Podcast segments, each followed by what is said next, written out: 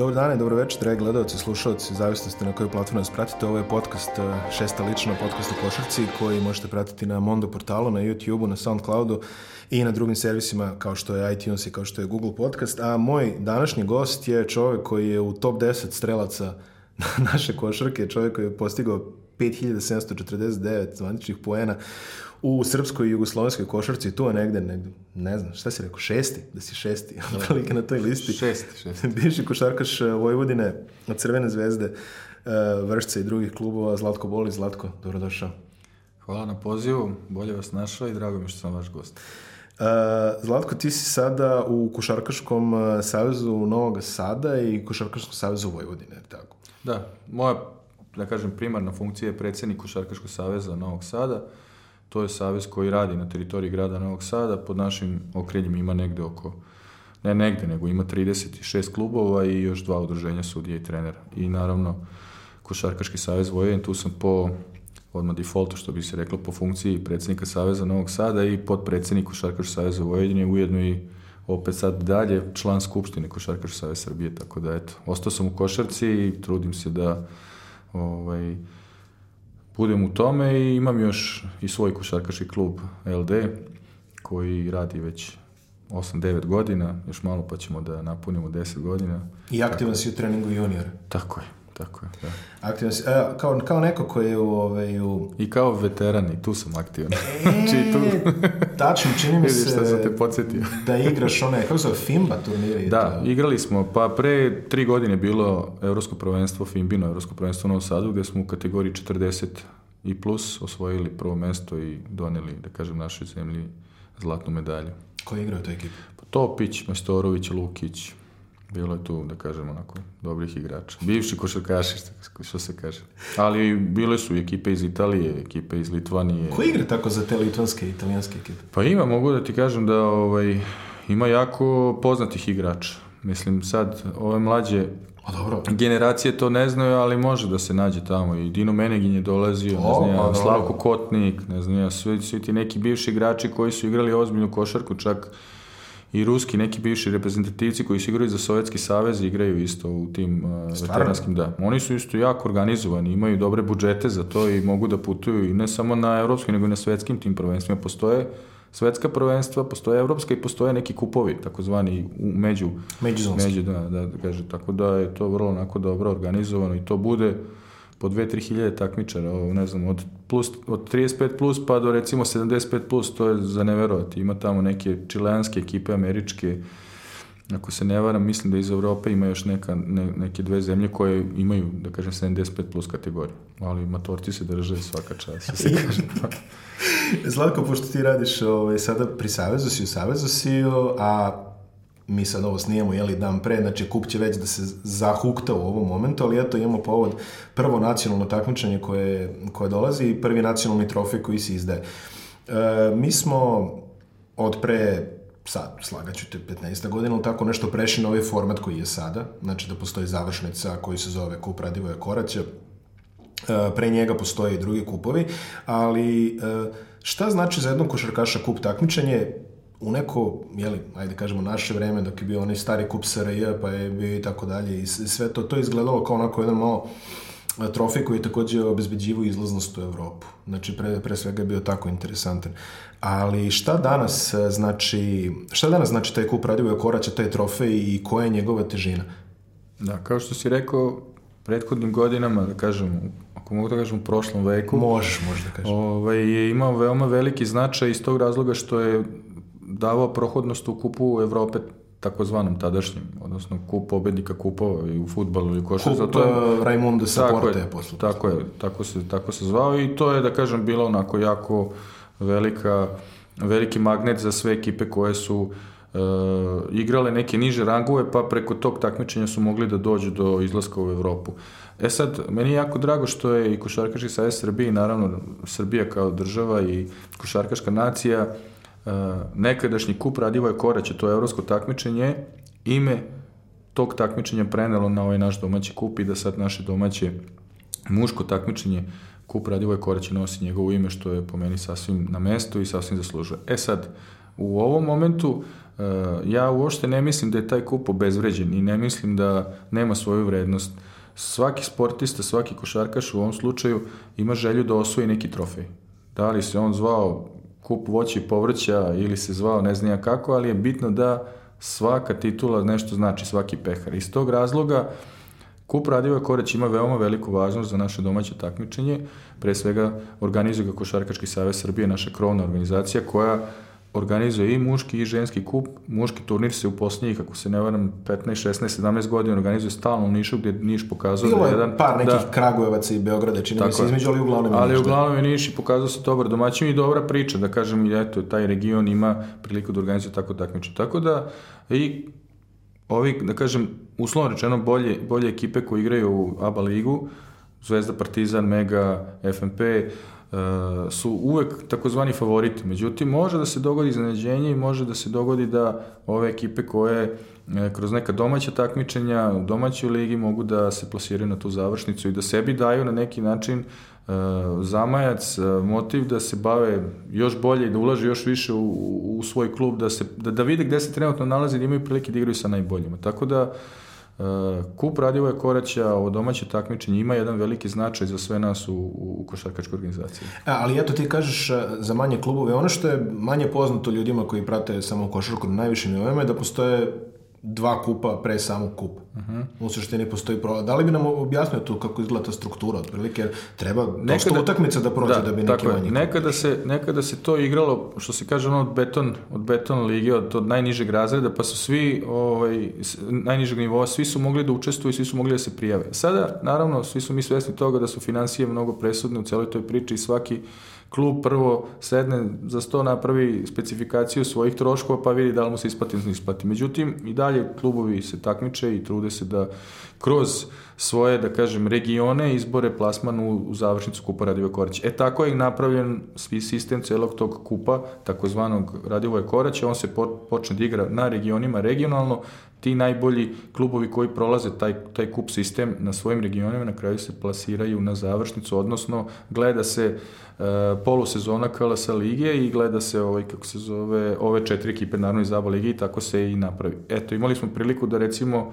sad da ne, ne nastavljam priču, pričat ćemo o tome, ali da neki klubovi koji su manje poznati u našem košarkaškom takmičenju je- su izborili e, plasman na završnicu Kupa Radi Korić, što je za njih sigurno jedan sjajan rezultat i veliki podstrek da se i dalje bave i da ulažu u košarku. A to je ono sledeće što sam teo da ti kažem, znači imamo uh, taj šarm outsidera koji postoji u svakom kup takmičenju. Da li je futbal, da li je bilo koji drugi sport, ali uvek se desi neki uh, klub sa strane koji nije u našem slučaju Zvezda Partizan i koji nekako dođe i osvoji srca javnosti. Znači 2018. imali smo Zlatibor, ako se ne varam, 2017. smo imali Dunav, uh, 2016. je bilo Smederevo, a 2019. imamo dva debitanta na kupu Radivoja Koraća, tu je prvo, ako se ja ne varam, Novi Pazar jeste debitant na kupu Radivoja Koraća koji trenira tvoj bivši saigrač Oliver Popović.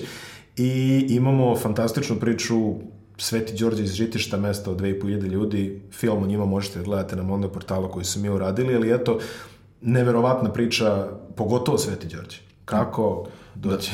Da, pa ja sam imao prilike da gledam a, završnicu jednog segmenta ovog kupa koji je bio na teritoriji Vojvodine, odnosno na našem regionu Košarkaškog saveza Vojvodine. Igrala, igrana je utakmica između Svetog Đorđa i Košarkaškog kluba Vojvodine iz Novog Sada gde sam ja bio fasciniran. Pre svega organizacijom tog kluba, iako je to mala sredina, koliko su ti ljudi posvećeni uh, tom klubu, žive za taj klub, preko navijača koji dolaze na te utakmice, preko igrača koji treniraju tu stručnog štaba, svi su onako napravili jednu porodičnu atmosferu i stvarno, ono, milina je bilo da gledam tu utakmicu protiv ekipe Vojvodine i sasvim su zasluženo došli na završnicu i plasirali se na uh, završnicu kupa Radivoja Koraća u Nišu. Mislim da je to za njih jedan veliki rezultat, jedan veliki podstrek i pre svega za njih je to jedna velika nagrada i za trud koji su u prethodnih godina, da kažem meseci godina ulagali da bi tako došli do toga svega. Što se tiče ekipe Novog pazara, Novi Pazar je opet mnogo veća sredina i da kažem mnogo bogatija sredina nego Žitište koje je uslovno rečeno jedno malo mesto u, u Banatu u Vojvodini. Novi Pazar ima velike ambicije, oni su ušli u prvo KLS ligu i vidim da se tu odlično snalaze, imaju dobre rezultate, u samom su vrhu i po meni je to mnogo manje iznenađenja nego ekipa Žitišta, odnosno Svetog Đorđa iz Žitišta. Naravno, Oliver Popović, moj veliki, pre svega prijatelj, saigrač i trener koji je tamo uz sve igrače koji su došli, sigurno da su opravdali te u neku želju i te neke ambicije koje grad Novi Pazar ima i klub koji ima da bi se plasirali na tu završnicu. A koliko je bitno za našu košarku, evo kup, je, kup mi neko ko dođe kao idealno takmičenje za ovako nešto. Znači, e, mi stalno govorimo o tome kako košarka u Srbiji se svodi na samo veće gradove, znači svodi se uglavnom na Beograd. Sad, mega igre svoje jadranske utakmice, u Sremskoj Mitrovici i malo, malo se to razuđuje vršac igre Abu 2, Čačak i Abu 2. Ali koliko znači to uh, prisustvo košarkaškog kluba, mi smo nominalno dana zemlje košarke, znači u različitim regionama i koliko to stimuliše ljude da prate sport tamo, recimo konkretan primjer Svetog Đorđa, a i Novog Pazara. Pa to, to je sigurno, opet se vraćam sad, velika pohvala i, i, i veliki rezultat za te ljude koji se bave košarkom u tim malim sredinama. Ja mislim da bi možda još bolji efekt bio kad bi te neke četvrfinalne utakmice Kupa Radivoje Koraća možda bile odigrane na terenima tih ekipa koji su uslovno rečeno outsideri, mislim da bi to bila još jedna veća nagrada za sve njih. Pa taj neki možda prvi, prve utakmice, to četvrtfinale, da se ne igra u Nišu ili već u završni, nego da se odigra možda na terenima tih ekipa koji su ovaj, koji su izborili plasman u završnicu. Mislim da bi to bio onako jedan dobar predlog, eto to ono što ja lično mislim, kao nagrad za, za, te, za te ljude koji se bave. To bi bio ko američki koleđ model. Tako je. I onda naravno dobiješ posle četiri one ekipe koje treba da igraju završnicu, ali eto to neko četvrt finale, polufinale, nek se već igra ovaj, u, u Nišu ili u tom nekom gradu, a da ta četvrt finala budu možda na tim terenima slabije plasimo. To bi možda dalo još više, ovaj, kako se zove, onako neizvesnosti, da, da, da, da, zanimljivosti, što, što, što na kraj krajeva sport ima. U vreme emitovanja ovog podcasta mislim da ćemo već znati ovaj, ko su polufinalisti. Uh, ako sada kažemo, ajde da izuzmemo iznenađenja, mada ja ne bih volao da izuzmem iznenađenja, ali ajde, nezahvalno je prognozirati sa iznenađenjima tog kalibra. Uh, kako ti se čini, ovaj, u kakvom se stanju ove naše ekipe koje sada bore za Kubi, ko je po tebi favorit? Partizan brani, brani trofej, a imamo tu i Crvenu zvezdu, Megu i FNP ovako nominalno. Znači, kako tebi izgleda trenutno stanje? Pa, konkretno sad gledajući igrački, rezultatski i, i, i sezona koja je sad, da kažem, evo negde na polovini, Partizan i naravno Crvena zvezda su tu po meni najveći favoriti. Zbog učešća u Evrokupu, zbog učešća u ABA ligi, zbog rezultata koje ostvaraju u, u, ostvar, koji su ostvarili u ovoj polusezoni, po meni su oni najveći favoriti za osvajanje Kupa Radiva Koraća. E sad, tu dolaze opet ove dve ekipe koje su FNP i Mega Mislim da Mega nema tako dobar ritam kao što je imala prošle godine. FNP je standarda, znači ništa specijalno. E sad tu dolaze ove četiri ekipe koje su uslovno rečeno outsideri koji mogu da pomute račune bez, bez problema. Imali Ali su... ove dve ekipe su po meni, da kažem, favoriti. Bilo bi uh, iznenađenje ako Crvena zvezda i Partizan ne bi igrali u završnici, odnosno u finalu. E, imali smo... Po kosturu, izvini, po kosturu, da, da. mislim da mogu da se susretnu tek u, da. u finalu. Um, mislim da Kup je ostao poznat po nekim legendarnim utakmicama. Ja se sećam čuveno sada finale Kupa SRJ, ako se sećam u Nikšiću, kada je budućnost pogodila 20 trojke, na primjer. Pa onda par godina posle kada je FNP iznenadio Partizan fantastičnom partijom um, Gorana Boškovića i tako dalje. Uh, ti neki momenti, Englezi to nazovu kup utakmice. To je samo termin kup utakmice u futbolu. Um, Kakva je to atmosfera za igrača? Eto, ti si igrao završnice kupova. Kakva je to atmosfera za igrača? Kakva je to presija favorita koja, koja, koja je tu na kupu? Znaš da bukvalno ono, nema popravnog. Ako za 20 minuta već vidiš nešto škripi, počinje nervoza, malo da se uvlači. Kako ti izgleda? Da. Pa to je draž igrati kup utakmice. To je takozvani, kako mi kažemo, nokaut utakmice. Nema šta, nema popravnog. Naravno da je uvek veći, veći pritisak i veća tenzija na favoritima nego na outsiderima. Outsider ode tamo da odigra, nekad se dogodi da odigra najbolju utakmicu te sezone. A opet favorit se muči, muči, muči da bi pobedio nekog outsidera. Šta hoću da kažem? Favoriti moraju da pruže više od maksimuma, više od 100% svojih nekih, eh, da kažem, mogućnosti, dok, što ja kažem, outsider kad dođe, on on će, šta god da uradi, on će biti sve dobro, razumete. A opet, mi, mi, mislim, igrači koji su na neki način uh, igrali te kupove i te završnice znaju šta to znači. Znači, prvo je ta draž, neizvesnost, e, e, tenzija. Ja volim to, meni je to bilo, da kažem, onako prijatno, ja sam voleo tako. Više volim da igram neizvesne utakmice, utakmice gde ima mnogo pritisaka, gde, ne znam, tenzija velika, nego one, što kažemo, ono, obične utakmice gde dobiš po 20-30 razlike, pa je ono onako, gde publika ćuti, gde, gde je ona atmosfera uzavrala, ja to volim. To je meni odgovaralo. Je sad, naravno, sve su to profesionalci, ozbiljni igrači koji su posvećeni uh, svom poslu i mislim da oni znaju, ne samo oni kao igrači, nego i stručni štab da takve ekipe i igrače pripreme za takve utakmice. Da se malo sada sklonimo sa kupa koji, eto, znaćemo pobednika ovaj, dva dana posle emitovanja ove emisije, nećemo se baviti prognozama, a ti si spomenuo u početku ovaj, prebacivanje kupa Radivoja Koraća i ovaj, na, sa evropskog na nacionalni format, svečano se zaklinjem, neću spomenjati kup Radivoja Koraća na evropski danas čisto da se, čisto da se razumemo. Ima razloga. Ima razloga zbog toga, nećemo, možda jednog dana napravimo neku ovaj posvećenu emisiju, ali evo, da se, da se bavimo sada ligaškim takmičenjima.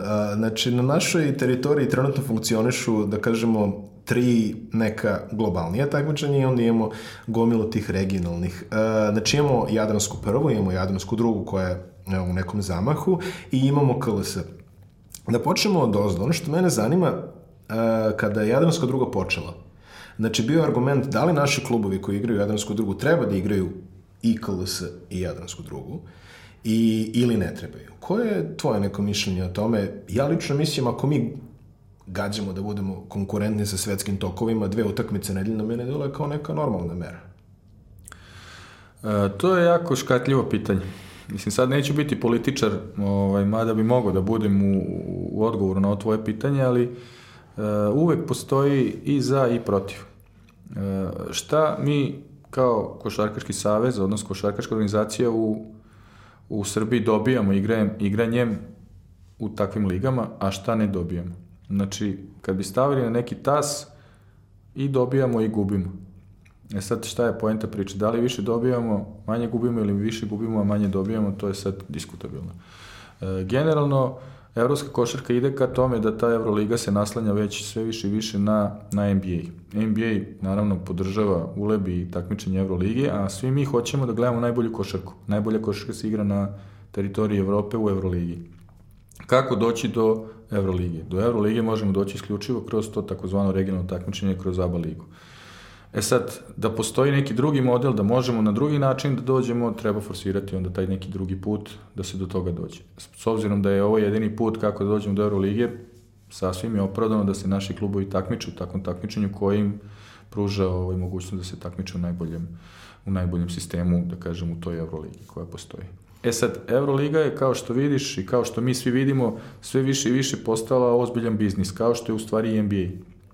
Ide se ka tome ide se da na neki način bude to neki zatvoren sistem gde će igrati klubovi koji imaju ozbiljne budžete i to je poenta cele priče. Ko ima ozbiljan budžet, ko ima dobru finansijsku konstrukciju, on će se takmičiti. Sledeće godine videli ste i Asvel i Bayern iz Mihina će biti, da kažemo, one i redovni učesnici Euroligije samo zbog toga što imaju sigurno blizu 10 miliona evra budžet, što je, da kažem, vrlo primamljivo i to je surova istina što se tiče tog takmičenja. E sad mi kao klubovi sa teritorije Balkana, odnosno iz naše zemlje, trebamo da nađemo model kako da dođemo do takvog budžeta da bi mi stekli, da kažemo, mogućnost da se takmičimo sa najboljim ekipama.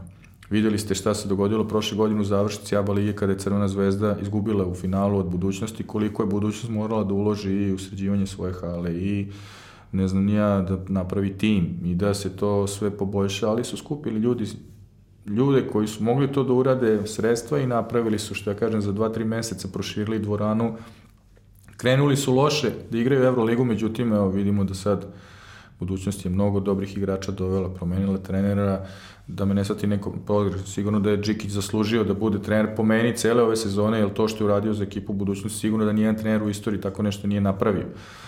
Trebalo mu se po meni pružiti prilika do kraja, ali opet novi trener je doveden, doveći se sigurno još neki igrači da se što bolje sačeka završnica ABA lige. Šta hoću da kažem?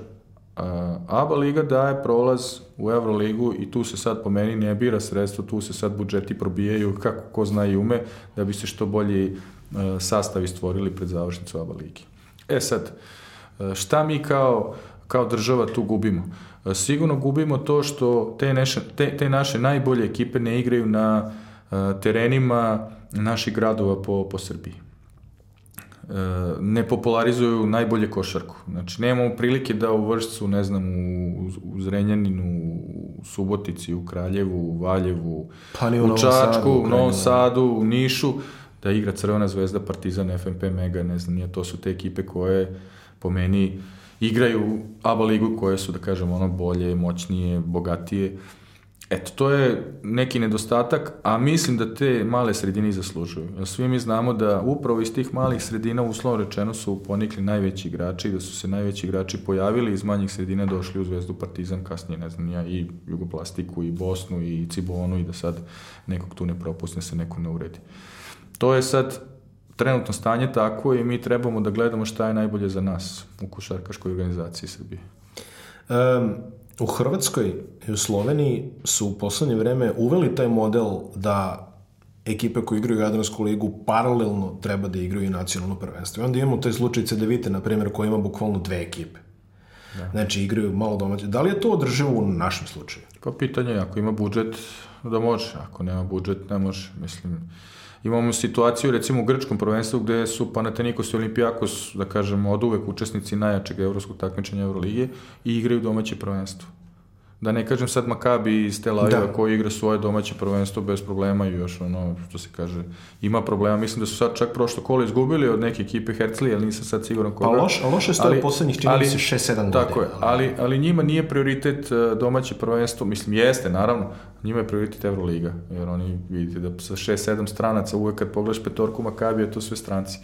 E, Da se ne bi udaljio suviše od te teme, e, mislim da naše ekipe ako nemaju dobar budžet i ako nemaju mogućnost da naprave uslovno rečeno, kao što si ti rekao, dve ekipe koje mogu da se takmiče paralelno u domaćem prvenstvu i u tom nekom evropskom takmičenju, da, da, da, to je jako teško drživo. Mnogo utakmica, mnogo putovanja, mnogo odricanja, tu onda dolazi one povrede što su sastavni deo sporta, da li ekipe mogu da izguraju sezonu ili ne mogu sa, sa ne znam, 15 igrača ili treba da ima 20-25. To je sad sve diskutabilno. E, Popularna teorija koju je to i zastupao ovaj, pokojni e, Boško Đokić, trener, koji je uveo Novi Pazar u- prvu ligu, je taj čuveni li, litvanski model, tako da kažemo. Znači, Litva, za, za one koji nisu upućeni, Litvanci, to je njihovi najjači klubovi, ovde govorimo o Žalgiris, Ritas i posle Neptunas, su igrali VTB ligu, znači ligu bivšeg Sovjetskog saveza, tako kažemo, sa još nekim Česima i usput Nimburg tu igra povremeno. E, onda su u jednom momentu samo istupili. I sad ljudi kažu, pa, kao vidi njih, ali dobro. E, ja mislim, oni su drugačija situacija. Šta, šta mi, meni se čini da mi mnogo gubimo ako mi sad ono dođemo i kažemo, e, od sledeće godine nema više, nema više jadranski, sad idemo samo naši.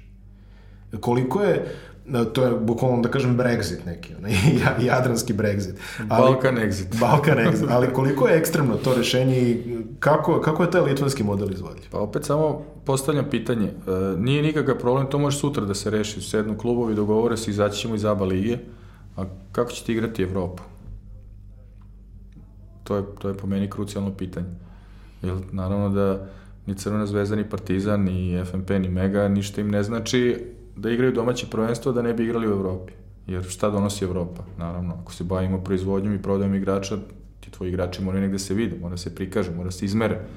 Ne možeš da praviš igrače i da ih prodaješ, a da se nigde ne prikazuju, pogotovo ne u najboljem takmičenju. Druga stvar, prihodi od reklama, od TV prava, od učešća u takvom takmičenju su enormni gde mnogi klubovi, da kažem i Srbije, da kažem veliki, veliki deo budžeta planiraju sa tim dotacijama iz, iz takvog evropskog takmičenja. E, nije problem istupiti, samo Problem je održati to. Tako je, održati. Ja sam e, jedan period imao ideju da stvarno trebamo da napravimo jednu zatvorenu, da kažemo, košarkašku ligu Srbije, gde će biti svi ovi najbolji klubovi, a da napravimo jednu profesionalnu ligu. Međutim, sad se pojavljuje veliki taj problem, napravit će se to, nije to sporno. Da će ugovori biti, ne znam, nija 10, 15 ili 100 evra po igraču, bit će. I bit će zagarantovan, bit će sve u redu i bit će kako treba, ali ako ne igramo u Evropu, mi smo precrtani. Znači, ako ne igramo bilo koje evropsko takmičenje, mi smo precrtani. E sad, da igramo, ne znam, neko mnogo bezvrednije takmičenje, ne, ne želim ni jedno takmičenje da uvredim i da kažem da, ali opet ne igrati sa ovim velikanima Barcelona, Real, Olimpijakos, Panathinaikos, CSKA i sve ove ostale ekipe, Fenerbahče i ovi koji učestvuju, mislim da, da, da je iluzorno. Samim tim što su mi zemlja košarke i što mi imamo uvek dobre igrače i proizvodimo dobre igrače, imamo dobre klubove, dobre trenere, to treba, što se kaže, naplatiti. Na stranu što dolaženje tih velikih ekipa u naše gradove znači veliku atrakciju ne samo na nacionalnom, već i na internacionalnom nivou. Jeste, evo ove godine možemo vidjeti konkretno i Zvezdu i Partizan koji igraju e, FIBA kup, pa se, ovo, e, izvinjam se, Eurokup, pardon, Eurokup, ali ovaj, kako se pune su hale. Znači, ljudi dolaze i gledaju. Pogotovo, ajde, prethodnih sezona Crvena zvezda dok je igrala Euroligu, Partizan dok je igrao, to su uvijek pun je, da kažem, pionir, odnosno Aleksandar Nikolić sada već. I arena bude puna. Arena, naravno. Da, tako da to, to je velika atrakcija koju zaista... Da ne bude... kažemo od prodaje ulaznica, od svega toga, prihodi, reklame, sponzori, TV prava, to, to su ozbiljni, ozbiljna sredstva, a klubovi ne mogu stalno da traže od države, ne znam ja, ili od, od lokalne samuprave da se, da se, ovaj, da se sponzorišu, odnosno dotiraju sredstva. E, tu se postavlja pitanje igrači e, tvoje generacije znači, ljudi koji su igrali staro Jubaligu. A, ima puno vas, između ostalog, i, i, i reprezentativci osveća medalje, kao što recimo Milenko Topić, koji su gravitirali oko domaće košarke. Znači, Milenko je jako malo odigrao preko, odigrao je tu Sijenu i još neku Grčku. Ti si igrao samo u Strasburu, znači u svojih 20 godina profesionalne košarke si i proveo 3 godine u inostranstvu. Um, šta možemo, osim onih očiglednih razloga, a to su ekonomski. E, šta možemo da uradimo da zadržimo igrače ovde? Šta možemo da im ponudimo u tom nekom smislu da im kažemo, ej, kvalitetna liga, ovo, ono, i tako zadržimo odliv igrača u neke zemlje koje su možda slabije košarkaške, kao što je, bez da vređam nekoga, ali kao što je recimo Rumunija, Bugarska i tako dalje, koji imaju neke stabilniju ekonomiju, ali opet pružaju manje košarkaških izazova. Pa sve se vrti oko tog prokletog novca, što bi se reklo, i naravno financije. Uh, jako, je, jako je teško sad u ovom momentu uspeti da, da, da se napravi priča da se ti mladi talentovni igrači zadrže. Pre svega, veliki problem predstavljaju roditelji. Roditelji koji su suviše ambiciozni i koji na neki način, nažalost, tu svoju decu gledaju kao meso, što bi ja rekao, koje treba prodati što bolje. Bilo je tu gro situacija uh, gde deca sa 14-15 godina, 16 odlaze već, ne znam, nija Italija, Turska, ovamo, onamo, daleko od toga da oni tamo neće imati, uslovno rečeno, bolje uslove da se razvijaju i da napreduju kao, kao igrači, ali ono što je najvažnije, gledajući iz one perspektive kada sam ja bio mlad i svi ti moji saigrači, kada smo mi počinjeli da treniramo, mi smo prvo naučili da treniramo. Mi smo prvo trenirali, mi nismo gledali novac, nismo bili bogati daleko kao što su sad neki roditelji koji svoju decu pokušavaju da, da, da, da od njih stvore velike igrače. Svi su mi živjeli sasvim normalno u toj staroj Jugoslaviji. Jeste da smo besplatno trenirali, imali smo besplatno uh, koš, košarkaške aktivnosti, treninge, trenere i sve to nismo morali da plaćamo kao neki roditelji sada te članarine i već kako se to zove, ali obično ovi koji su perspektivni, oni su od toga oslobođeni. Ali smo naučili da treniramo bili smo posvećeni tome. Nama je, da kažem, ceo život bio, ceo život uslovno rečeno, bio fokusiran na te treninge i na te radne obaveze i mi smo sa tim treninzima postali dobri igrači jer smo hiljadu nekih pokreta na tim treninzima ponavljali da kažem do besvesti, pa čak i sami bez svojih trenera, bez svojih saigrača. Nismo imali kompjutere, nismo imali televizore, nismo imali laptopove, mobilne telefone, nismo imali neke druge aktivnosti za animacije, bavili smo se sportom. Naravno da je to sad mnogo teško sprovesti u ovo vreme, ali treba naći model kako tu decu zadržati što duže u Srbiji, objasniti im da ako budu ovde kod nas uz ove naše trenere koji su evidentno među najboljim u svetu, mogu postati još bolji igrači, mogu zaraditi još mnogo više novca nego što će zaraditi u ovom nekom prvom iskoraku. Ono što treba obezbediti igračima koji su talentovani i perspektivni je e, ambijent za njihovo pravilno razvijanje, za njihov e, pravilan napredak i da kažem formiranje kao ličnosti, formiranje kao igrača, formiranje kao ne znam neke zvezde. E, mnogi klubovi ovde u Srbiji već su uzeli te neke modele tipa akademije gde su ta deca dovedena iz manjih nekih sredina, omogućeno im da treniraju dva puta dnevno, da imaju redovno ishranu, redovno smeštaj, redovno spavanje, da imaju dobre trenere, da mogu da rade i da se posle toga tog tretmana i tog rada i svega toga prodaju. Ali suviše rano odlaze. I po meni, i ti klubovi koji dovode te igrače sa tih manjih sredina, oni žele što pre da vrate svoj uložen novac. Međutim, deca kada odu sa, sa 16, 17, 18 godina u inostranstvu, to je po meni još uvijek neformiran igrač. On je još uvijek, da kažemo, nezrelo, nezrelo biće koje još uvijek ne zna da razmišlja svojom glavom i koji naravno nije naučio ono sve što treba da nauči u košarkaškom sportu. I događa se da suviše mladi odlaze tamo preko i postaju jedan prosek. Ne postaju kao što je, ne znam, bio jedan Rebrača, jedan Bodiroga, jedan Divac, ne znam, jedan Paspalj, pa Praja Dalipakić ko, s kojima sam imao prilike da sarađujem, bio mi je svojevremeno i sportski direktor u jednom klubu i u Crvenoj zvezdi u Atlasu, svojevremeno on je meni pričao da je on prvi put tek sa 29 godina napustio, napustio našu zemlju. I ništa nije propustio.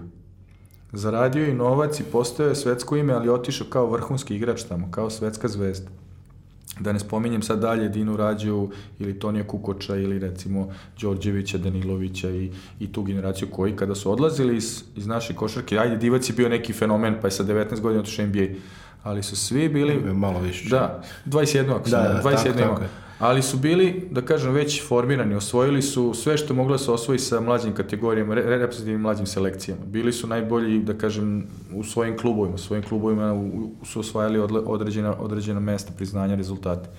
Tako da, e, neće se ništa izgubiti, samo se treba dobro potruditi, dobro raditi, dobro trenirati i taj rad mora da se vrati.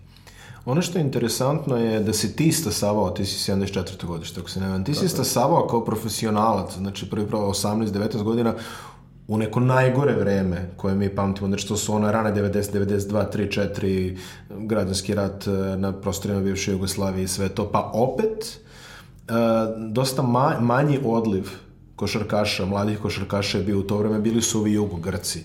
Jel tako? Aldo? Upravo sam to teo da kažem, da jedino što je postalo to je to što su mogli da odu u Grčku i, i to je tamo su izmislili, ne znam ja, uslovno rečeno, da. babe, dede, ne znam ja, i postojali su Grci. Nekima je to upalilo, nekima je upalilo, uslovno rečeno. Dobra priča bila, mnogi njih ima dosta koji nisu uspeli da, da reši. Recimo, ja sam imao takvu ponudu i nisam otišao. Možda sam napravio grešku, možda nisam, ali ne znam, ja mislim da bi isto odlučio. U ono vreme sam bio i kapiten kadetske reprezentacije Jugoslavije, bio sam član juniorske reprezentacije Jugoslavije, ono vreme reprezentacija nama bila sve, kao i danas što mi je reprezentacija sve. Ja imam taj osjećaj, ja kad god, ne znam, ja sada me neko pozove reprezentaciju, ne bi se dvomio ni malo, tako sam vaspitavan. Iz tog razloga nisam hteo da odem da igram za neku drugu, da kažem, državu i da imam neko drugo državljanstvo. Nisam imao potrebe, imao sam uslove koji su mi bili potrebni za moje, za moje razvije, razvijanje, napredovanje i sve, bez obzira na ovo što si ti rekao, i ratno stanje i sankcije i ovo ono, mi smo živjeli sasvim normalno, trudili smo se, radili smo i napravili smo rezultate koje smo napravili. Ali to je nevjerovatno da je sad recimo mnogo veći odliv nego u neko, da kažemo, uslovno rečeno gore vreme. Pa jeste, i zakoni su se promenili. I sad da. ti zakoni dozvoljavaju da deca ranije odlaze, odnosno mladi košarkaši ranije odlaze u Evropu. Šta mi kao mediji i kao vi kao košarkaški radnici i mi kao mediji možemo da učinimo jer mi realno e, imamo, ne kažemo to mi, to kažu posmatrači s polja, e, jedno od najvećih košarkaških tradicija, ako ne najveće u Evropi, najveću košarkašku bazu. Šta mi možemo da uradimo kod mladih igrača i njihovih roditelja koji su, kao što si sam rekao, veliki faktor u svemu tome. E, da oni povrate veru u naše institucije košarkaškog obrazovanja. Pa mi imamo jedan veliki problem, sad ću malo da preskočim, neću ti odmah odgovoriti na tvoje pitanje, uh, to je ta NBA liga. NBA je jedna velika industrija, jedan veliki, da kažem, uh, marketinški džin koji svima nama i pomaže i odmaže. Nama koji radimo u košarci. Uh, iz jednog jedinog razloga. Uzmite bilo koje dete koje se bavi košarkom i koje je i ole malo pri košarci. Nek vam nabroji sve NBA timove, on će ovako to iz rukava da. A pitajte ga da li zna da nabroji ekipe koje se takmiče u KLS ligi.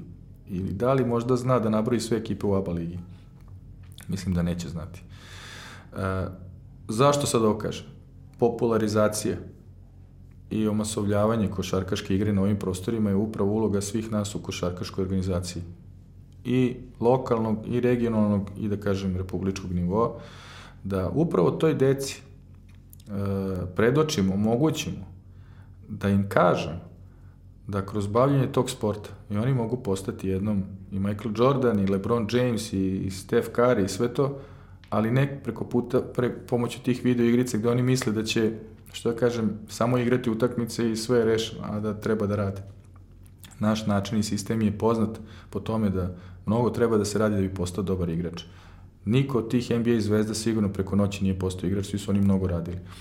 Hoću da kažem da mi moramo mnogo više tom marketingu upravo uz pomoć vas medija da predočimo deci da može da se postane i da ne treba da prestanu da sanjaju, ali da napravimo ove naše igrače koji su ovde počeli da stasavaju, da od njih počnemo da pravimo zvezde. Mislim, zvezde, uslovno rečeno, idole toj deci. Da je to dete zna, što ja kažem, da li pomoću nekih video igrica koje ćemo napraviti takmičenje KLS ili pomoću, ne znam, Jaba lige ili kao što imaš NBA, to, to, to takmičenje, ja znam klinac moj igra, to on zna sve ko igrač, kakve skillsove ima, što se kaže, ono, osobine i sve mogućnosti, a sad ja da ga pitam da li ti znaš recimo kakve osobine ima Milenko Topić, ili ne znam sad da navedem nekog igrača iz domaćih prvenstva, nemam pojma, kaže, ko je sad taj.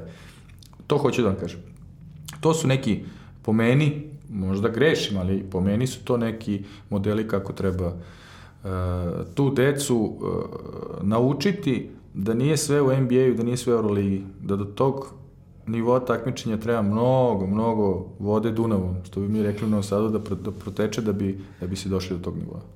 E, pomenuo si Milenka Topić, eto, to je interesantno. Meni je neverovatno da danas, znači, Milenko Topić je relativno nedavno prestao da igra. Govorimo o nekih, ono, on je igrao jako dugo, bio je aktivan od 2005. 6. 7 ali a, ako se pomerimo, znači u našem poznavanju košarke i medijskoj projekciji istih, mi znamo do 91. znači ono što je bila Jugoslavija, to znamo Kukuč, Rađa Divac, Danilović i tako dalje, on znamo one trofejne generacije 95 i tako dalje, međutim uh, deluje mi kao da, nije deluje, nego sam siguran da jako malo podataka postoji kako bi mladi, perspektivni, ne samo igrači, već i konzumenti košarke kao navijači, kao ljubitelji, mogli da se zainteresuju za nešto što nije, što ti kažeš, NBA i Euroliga. Znači, mi nemamo podatke, ši, mislim, široko dobavljive podatke. Nemamo o jednom Mikanu Grušanoviću. Znači, to je o čoveku koji je postigao hiljade poena i celu svoju karijeru manje više proveo u domaćim ligama i to ne na nivou neke, da kažeš ono, legende treće lige, nego čovjek koji igrao najviše nivoa i postizao po 30-40 poena i Zvezdi i Partizanu i svima. Mi nemamo ništa o Žući Mitiću iz, iz Leskovca. Mi, ljudi paušalno, koji, ljudi koji nisu gledali, ne možeš da im objasniš kakav je igrač bio Goran Bošković, kakav je igrač bio Miroslav Berić. Uh, Haris Brkić, zato što je, nažalost, skončao tako kako jeste, je nešto poznati, ali i ljudi ne umeju dobro da kažu kakav je igrač uh, Haris Brkić bio, kakav je igrač bio uh, Aleksandar Čubrilo, kakav je igrač bio Zlatko Bolić u krajnjoj liniji. Znači, mi koji pamtimo to, uh, možemo to da prenesemo, ali jako malo ima ovaj, nekih podataka, jako malo snimaka ima. Uh, mislim da bi trebali i kao košarkaški savez, a i opet kažem i mi kao mediji u nekoj sinergiji da malo približimo ljudima to da li kroz neki materijal, da kroz neke knjige, emisije, nisam pametan kako bi to moglo uraditi. Da, fali jedna baza podataka, što ja kažem, uopšte navezana za sve to. E, pa kad gledamo sad, upravo to decu i zanima kad gledamo sad NBA i te njihove video igrice, oni tačno znaju kad uđu u tog nekog igrača, oni znaju gde je igrao, na kom koleđu, koliko je postizao poena, šta je uradio u svojoj karijeri, kada je potpisao, ne znam, nija prvi prosjevni ugovor, koga je draftovao, e, da li je tradovan, da nije, to su sve neke stvari. NBA ide do sitnih tih nekih podataka, te statistike silne, ne znam nija koliko je utakmica, sad da ne smaram sa tom pričom, ali to su, to, to je jedan e, ogroman posao koji bi trebao da se uradi ako mi želimo da da, da, da, da idemo dalje. Ne možemo da živimo u nekom prošlom vremenu pa da skupljamo kao neki naši stari ljudi, mame, tate, babe koji skupljale novine, isečke, nije bilo nekad, ne znam, nije internet i svega toga, pa kao šta je, ne znam, je žurnal objavio ili, ne znam, tempo u svoje vremenu, da sad ne reklamiram neke medije, ali, ili nosadski dnevnik, to su sve ono crno-belo, sve se to skupljalo, to imam kući složeno, što ja kažem, o, ili nekad VHS kasete, pa sad jedino tako, tako se, ne znam, nija pamtilo kako je, ne znam, nija, jedan igrač, ne znam, dao 50 pojena na toj utakmici, totalno nebitna, neka uslovno rečena utakmica, ali na koji on način to dao, kako je on dao, sigurno on to nije dao zašto ima lepe oči ili ne znam ja, ili lepo izgledao, on je to dao sigurno zahvaljujući svom nekom mukotrpnom radu koji je, koji je uložio u sve to. Mi imamo slučaj e, Žarka Varajića koji je dao koliko, 45 ili 7, još uvek važeći rekord u finalu Euroligi. Da. Kad, je, kad je sa Bosnom, ja sam eto, imao sam priliku da gledam taj snimak, možete svi po- vi pogledati taj snimak, čovjek je dao 45 poena pre trojke, ako se ne varam, znači to su bili šutevi s kapice sa po 5,5-6 metara, nere, nerealno veliki rad, ali eto i on je neki igrač koji je malo, da kažemo tako, skrajnut, jer mi nemamo da nađemo, mi nemamo da nađemo prosječnu statistiku Aleksandra Đorđevića, koji je monument domaće košarke, uh, ovako na dva klika. A Amerikanci, kada kliknu, ne mogu da nađu igrača koji je igrao 5 minuta u prosjeku u NBA-u neke sezone.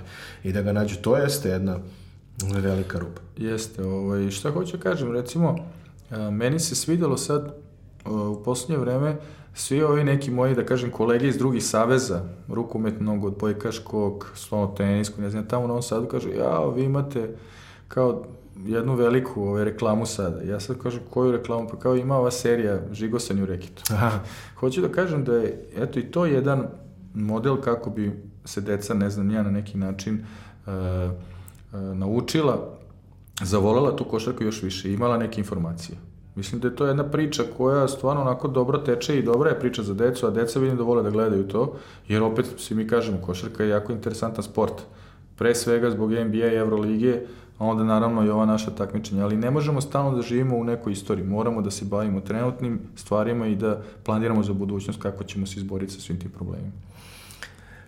Voleo bi sad da te pitam nešto malo retro, što bi se reklo. Rekli smo ne pominjamo kup koraća, ali e, Jadranska liga je blizu završnice.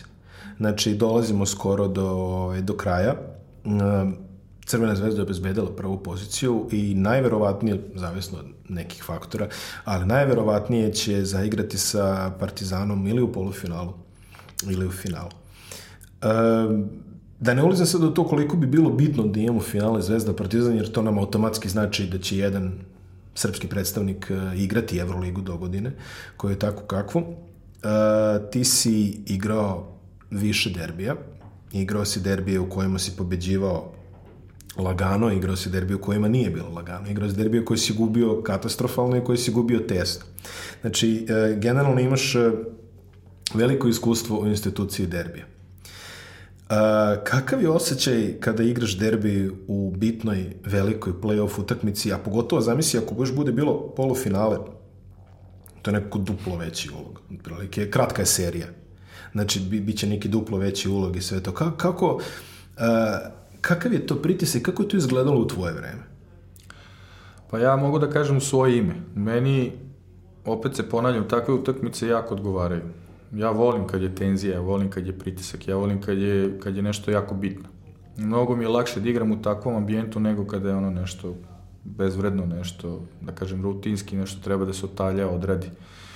Uh, naravno da takve utakmice uvek iznedre i neku veliku, veliko ime, odnosno neki igrač koji u jednom određenom momentu dođe do izražaja, povuče, pogodi koš, ne znam, nija, kao Gudurić recimo, ono što kažu, Sparkinga da mu trojku protiv Partizana. Mislim da su to utakmice upravo e, draže i, bolje zbog takvih nekih stvari.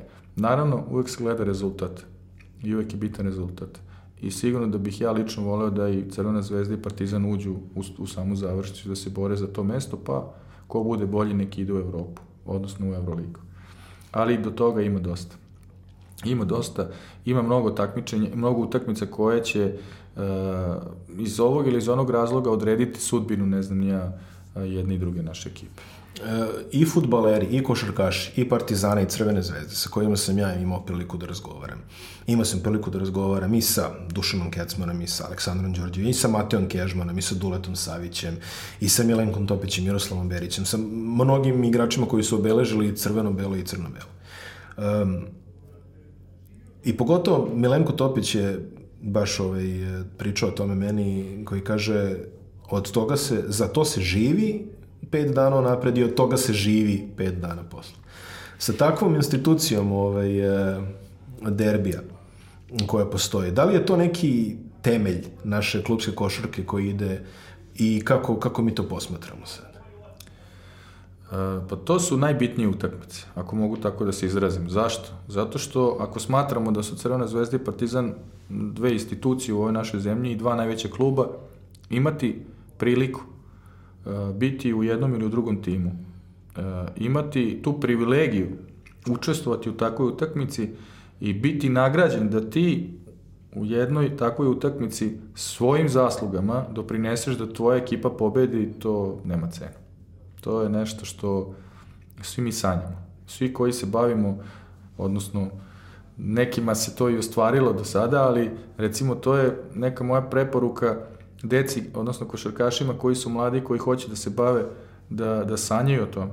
Jer takvi snovi će ih sigurno dovesti do takvih prilika i šansi da učestvuju u takvom nečem. A kada budu došli u tom, u tom momentu do takve neke utakmice, do takve nekog, neke situacije, onda će imati e, želju da se dokaže još više.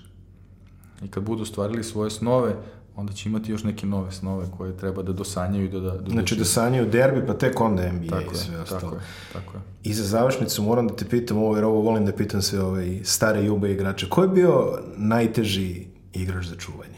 Ne mora samo iz Partizana. Volio bi da čujem iz Partizana, ali i ovako generalno širom lige, jer znam da svi imaju svoje favorite skrivene po zdravljima i vama. Da, pa to je uvek, pa jako je to teško reći. Bilo je tu mnogo igrača, ovaj, veoma nezgodnih u ono vreme ja sam bio mlad igrač, šta kažem, ja sa 16 godina počeo da igram, da kažem, ono staru jugoslovensku, to jest ligu SFRJ, još dok je i Kukoč i Rađe, dok su igrali za Jugoplastiku, pa ne znam, nija Aca Petrović za Cibonu, Dražen je već tad bio otiš. Mnogo je to bilo igrača, ne znam, e, ne bi sad odlazio toliko u istoriju, tad sam, da kažem, bio na nekom početku, ali uh, nezgodno je bilo igrati mi smo generacija, bili smo drugari i, i u reprezentaciji, ali pokojni Haris Brkić je bio veoma nezgodan. Haris je bio uh, dečko kod koga nisi znao nikad šta će da uradi, kako će da odreaguje. Bio je, bio je i, i, i snažan, i skočan, i prodoran, i mogao je da pogodi, a isto tako je mogao da te stavi u džep kad te uhvati da igra odbranu, tako da da je bio veoma nezgodan. Žao mi je to što se dogodilo kao svima nama. Mislim da je mogao da napravi još mnogo veću karijeru, ali je bio veoma, veoma nezgodan. I to sam uvek izjavljivao, kad god me pitao neko ovaj, to pitanje, uvek sam to, to rekao. Ne zato što igra u Partizanu. E, dečko je e,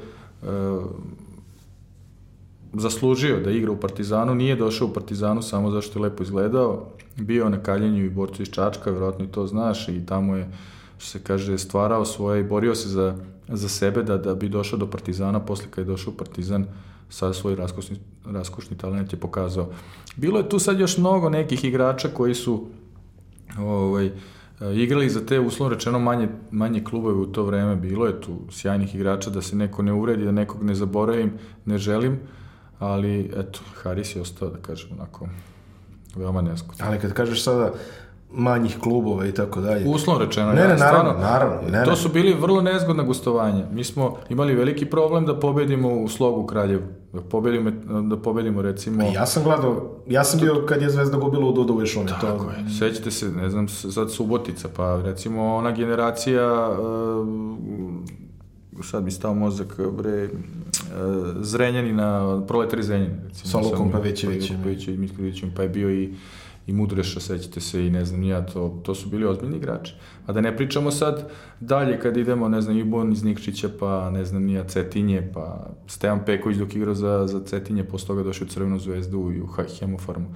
Mnogo nezgodnih igrača je bilo. Onda ovamo po Srbiji, ne znam, u Valjevu, pa e, Kragujevac, pa ne znam ja, e, Kraljevo, pa e, Leskovac, Šabac, Remikan Grušanović, Negovanović, e, to su bili igračine koji si ti mogo da ne znam, Manjevčić, recimo sad kad ja rekao deci, znate ko je Manjevčić? Pa to je bio momak koji isto bio specijalac takozvani, ali mnogo nezgodnih. Mnoge ekipe su tamo gubile, padale i, i nisu mogle da pobede. Bio je onaj u FNP-u Vukosavljević. Da, Čuri Vukosavljević šuter. Da, da što nije promašivo emisiju. Imao je tačku, što mi kažemo, sa krila iz ćoška i tu je tačko, znači mogo je zatvornih očiju da pogađa. Ali čovek je ono baš... Eto, Žuća Mitić, njega stavamo, to je, to je igrač koji je recimo mnogim našim ozbiljnim centrama zadavao probleme. Ne znam, ja ću ispričati jednog anegdotu, nadam se da mi moj drugar Jastartijević neće zameriti. Išli smo da igramo utakmicu protiv zdravlja u Leskovcu i pripremali smo tu utakmicu. I Žuta, Žuća Mitić ima jednu neverovatnu fintu. Mi smo ga, mi stari igrači smo govorili, samo nemoj da takozvano popiješ tu fintu. A finte se sastali iz toga kada Žuća dobije dole na niskom postu uh mhm. -huh. loptu, sa dve ruke napravi fintu dodavanja preko glave centra koji ga čuva. I taj centar po pravilu u 95% slučaja okrene glavu za tom loptom. On se samo vrati njemu preko glave od table, zalepi loptu na koš. I naravno, prvi napad, Žuća dobio loptu, Jestretivić ga čuva, sve kao dogovorili smo se ovaj fintu, Jestretivić ode na drugu stranu. Ovaj se okrenuo samo i smestio tablu. Šta hoću da kažem? Takvi igrači su stvarno bili omiljeni u svojim sredinama. Možda nikad nisu mogli da dosegnu te neke nivoje, ne znam, reprezentativne da igraju u Zvezdi, Partizanu ili nekom evropskom, da kažem, ozbiljnom, ozbiljnom timu, ali su bili mnogo nezgodni igrači, mnogo.